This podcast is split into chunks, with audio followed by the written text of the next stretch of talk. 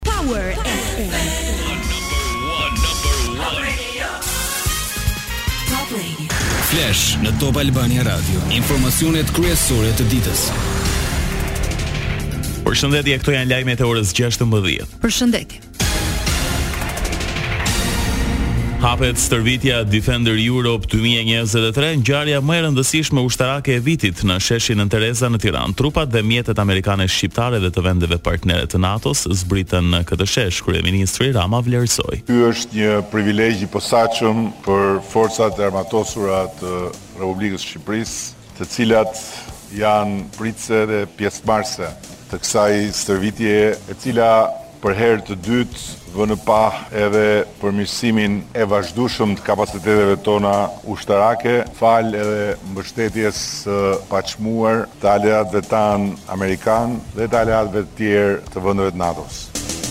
Kryeministri e vuri theksin te ngjitja e Shqipërisë në sigurimin e respektit ndërkombëtar. Shqipëria nuk ka qenë kurrë më lart në nivelin e respektit ndërkombëtar dhe sot e ulur në tryezën e Këshillit të Sigurimit, krah për krah me Shtetet e Bashkuara si bashkëpenëmbajtëse për çështjen e Ukrainës, ajo merr një profil dhe një rol që jo vetëm e ngarkon me përgjegjësi të jashtëzakonshme, por edhe vë në dukje se çfarë përparimi dhe çfarë pjekurie ka arritur vendi ynë. Rama shtoi. Zhvillimi i kësaj stërvitjeje me praninë e trupave shumëkombëshe nën drejtimin e Shtetet e Bashkuara të Amerikës është njëkohësisht edhe shprehje e unitetit të madh dhe vendosmërisë së palëkundur të të gjithë komunitetit euroatlantik për të mbrojtur me çdo kusht vlerat dhe parimet mbi të cilat ngrihen dhe funksionojnë shoqëritë tona. Ndërkaq, me hapjen e stërvitjes Defender Europe dy mijë e njëzet e tre, ambasadorja amerikane në Tiranë, Yuri Kim, Jemi këtu si aleatë, miq, partnerë. Amerikanë dhe shqiptarë që qëndrojnë krah për krah, sikurse e thoni ju. Dikur të ndarë, të ndarë veçmas, tani aleatë të NATO-s. dhe partnerët më të afërt ushtarakë. Rusia nisi një pushtim të plotë brutal dhe të paprovokuar të Ukrainës. Shtetet e Bashkuara, Shqipëria dhe aleatët tanë të NATO-s janë më të bashkuar dhe më të fortë se kurrë. Nuk mund të mos kujtoj fjalët e Skënderbeut, heroit kombëtar të Shqipërisë dhe madje heroi im vetjak, Bashkimi bën fuqinë. Gati dhjetë ditë nga zgjedhjet lokale, ish-kryeministri Sali Berisha është në kërkim të provave dhe fakteve për të faktuar akuzat e tij se zgjedhjet e katërmbëdhjetë majit u vodhën. Një komision i ngritur po punon me intensitet në denoncimin e krimit monstruoz elektoral të farsës katërmbëdhjetë maj njëzet e tre. Shqyrtimi i thelluar i këtij megakrimi kërkon kohën e duhur.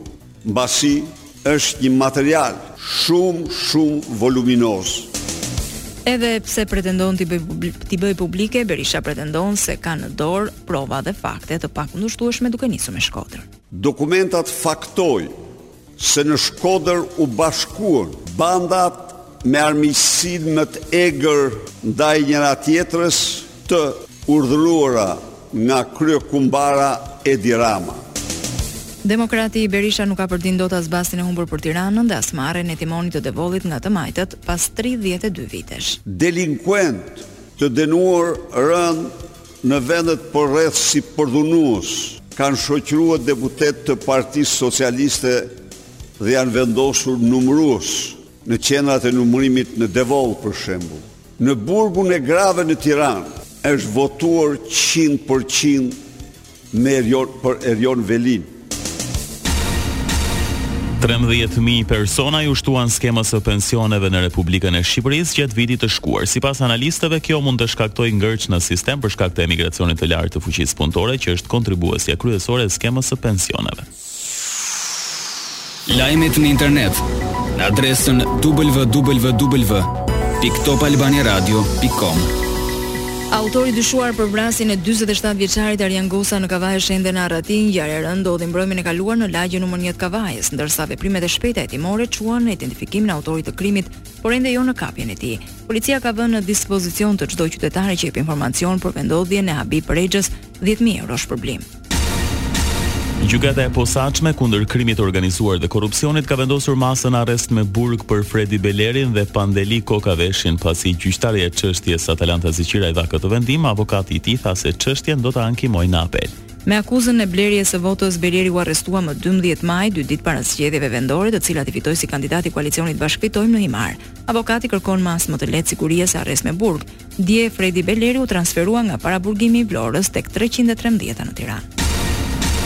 Ndërkaq Athina zyrtare përsërit thirrjen drejtuar autoriteteve shqiptare për të liruar nga paraburgimi Fredi Belerin sot në Bruksel në takimin e ministrave të jashtëm të BE-së, kryediplomati grek Nikos Dendias ia paraqiti çështjen Beleri homologes Olta Xhaçka gjatë një takimi të posaçëm që pati me të.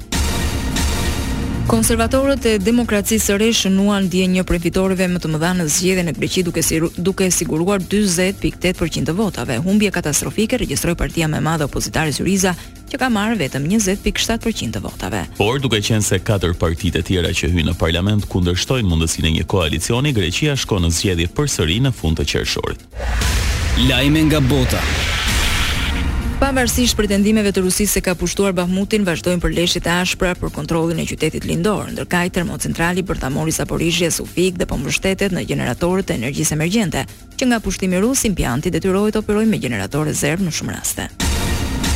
Fusha kryesore e betejës në Ukrainën lindore vazhdon të jetë vija e frontit Bakhmut-Avdiivka-Marinka në rajonin e Donjeckut. Forcat ukrainase zmbrapsën me sukses tridhjetë e shtatë sulme të ndërmarra nga trupat ruse njëzet e katër orët e fundit.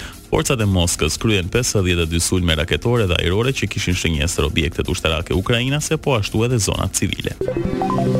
Parashikimi i motit. Në vazhdim do kemi mot me kthjellime, vranësira dhe shira, ku më të dukshme do jenë në zonat veri-veriperëndimore të vendit. Gjatë orëve të vona të mbrëmjes pritet shtim i intensitetit të shirave në të gjithë Shqipërinë. Temperaturat luhaten nga 10 në 29 gradë Celsius.